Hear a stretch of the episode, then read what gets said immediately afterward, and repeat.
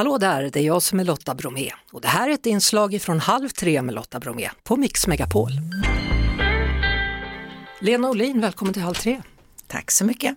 Jag la märke till att du hade dalahästar i olika färger på, på ryggen på din tröja, det var fint. Ja, jag fick, det var någon av dina kollegor som sprang ut och frågade var är tröjan ifrån? Jag vet faktiskt inte men jag tycker det är så fint med dalahästar. Ja, hur är det att vara i Sverige? Eh, det är fantastiskt att man kommer hem till någonting som känns bekant. Jag känner när jag är i Sverige så blir jag väldigt svensk också. Jag, svensken i mig frodas när jag är hemma i Sverige och det är väldigt skönt. Jag trivs väldigt bra med det. Mm. Hur var det att spela in den här filmen? Det var otroligt på så många olika plan. Det var väldigt roligt att vara med från början. Från det att idén föddes när Hilma tog fäste i Lasse och Lasse blev väldigt gripen av henne och hennes historia och började skriva manus och sen kom jag in i bilden och Tora in i bilden. Tora har ju huvudparten av rollen.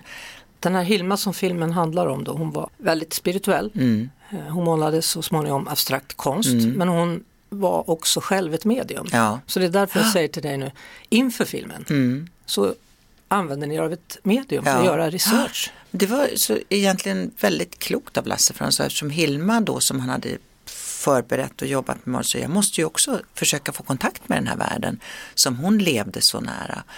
Hon försökte ju berätta om en inre värld eller mm. en andlig värld som hon såg.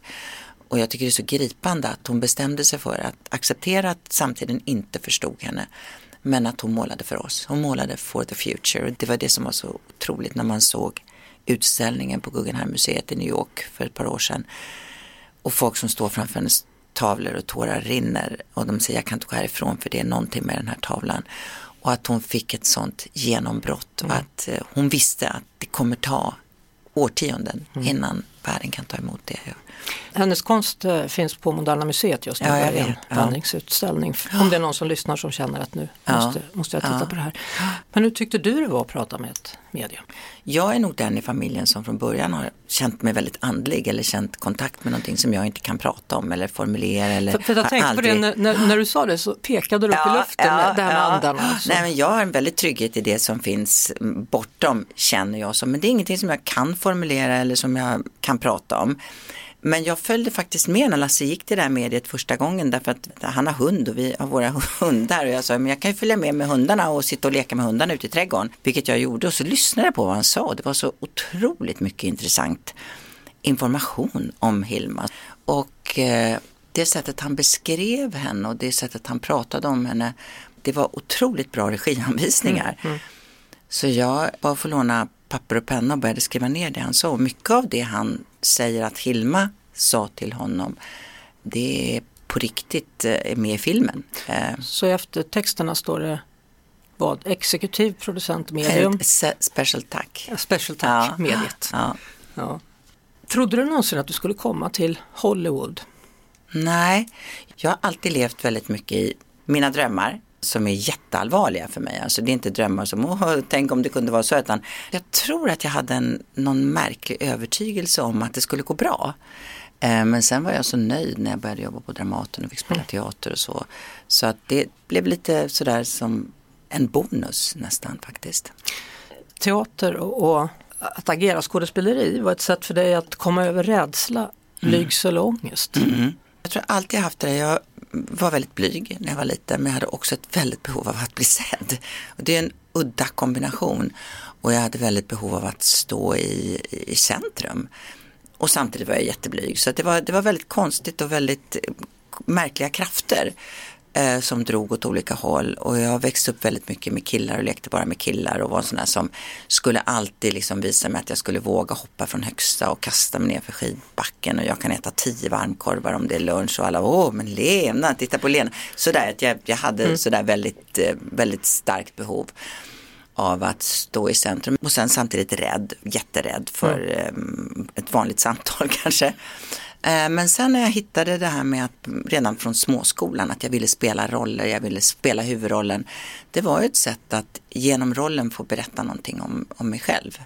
Få berätta någonting om någonting som jag visste och det är då via, via rollen och på den vägen är det. Att jag har ett otroligt starkt behov av att ikläda mig roller och hitta, man hittar ju något nytt med sig själv varje gång man spelar en ny roll.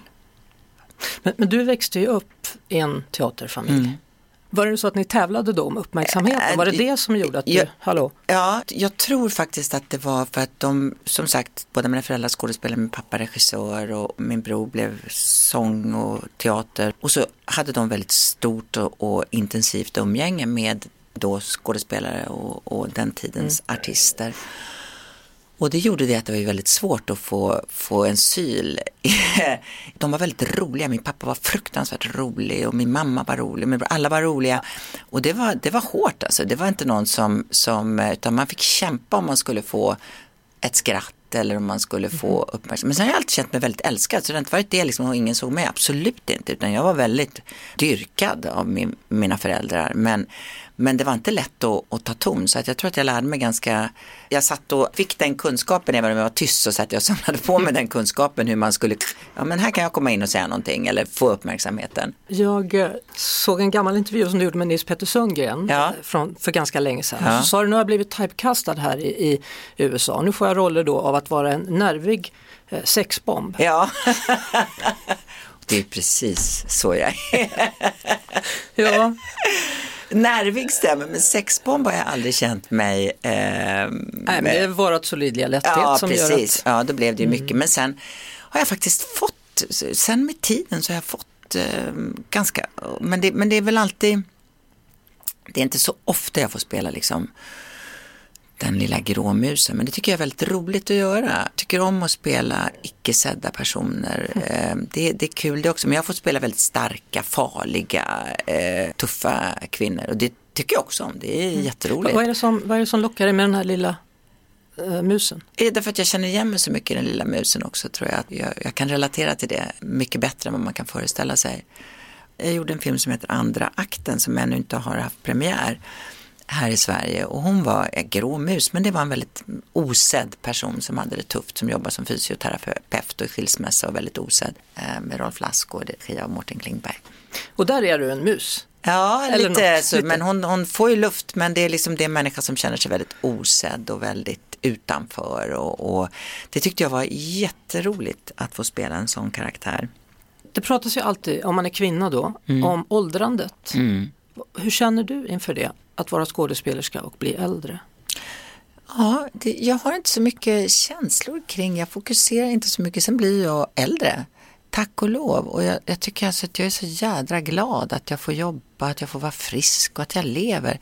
Jag har svårt att förstå att man är så bekymrad om man inte är sjuk. Att vara sjuk, det är väl fruktansvärt. Eller vara klen. Eller, men det är ju ännu jävligare om man är ung och sjuk eh, än att vara gammal och sjuk. Då har man åtminstone hunnit med. Men jag har väldigt svårt att förstå att man ska hålla på och oroa sig så mycket mm. över rollen. Sen försöker man hålla sig liksom att man vill se fin ut i bild och eh, fåfäng och allt sånt där, såklart. Och det är ju ingen som ser ut som vi gjorde när vi var 25 eller 30 men åldrandet är ju en välsignelse att vi får vara med.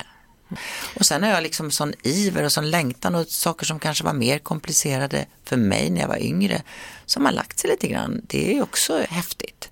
Vad tänker du på då? Nej men alltså man har inte fullt lika mycket ångest och så mycket mm, att bevisa och mm, man kanske kan njuta lite mer i alla fall. Skönt. Ja. alltså med åldrandet kommer ju rynkor och utseende ja. och eftersom film är så ja. fokuserat liksom. Ja. Och, och, jo men det är, det, det är ju så det är. Och, men det är många man inte känner igen som ja. jobbar i Hollywood. Plötsligt ser de ut som andra människor. Jaha, du menar med, med, med och surgery och, och sånt där. Ja, jo. Men det blir ju aldrig riktigt bra om det är liksom. Har du gjort det? Nej. Nej. Tänker du göra det? Nej, det är inte, inte vad jag planerar nu i alla fall. Mm. Behandlingar och facials och djupfacials och sånt där, det är jag ju jätteinne på. Krämer och jag är ju fåfäng som alla andra. Det är inte det att då kan jag komma och... Eh, men, eh, men jag är väldigt glad att jag får bli äldre. Hörru du, jag har inte pratat om din hund. Åh, våra vovvar som vi är så mm. förtjusta i. vi är tokiga våra hundar. Jag har alltid, jag har alltid haft relation med Jag tycker hundar är heliga.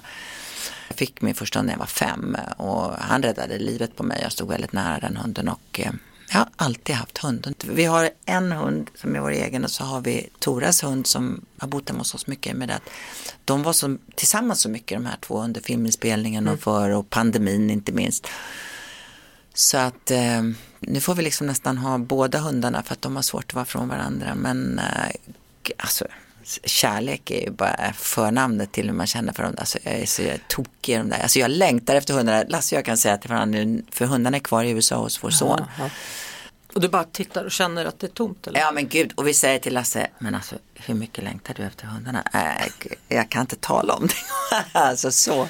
Och jag textar vår son varje hur mår våra vovvar? De mår jättebra. Och han är väldigt, jag vet att han älskar hundar också så de har det jättebra. vad är det för ras?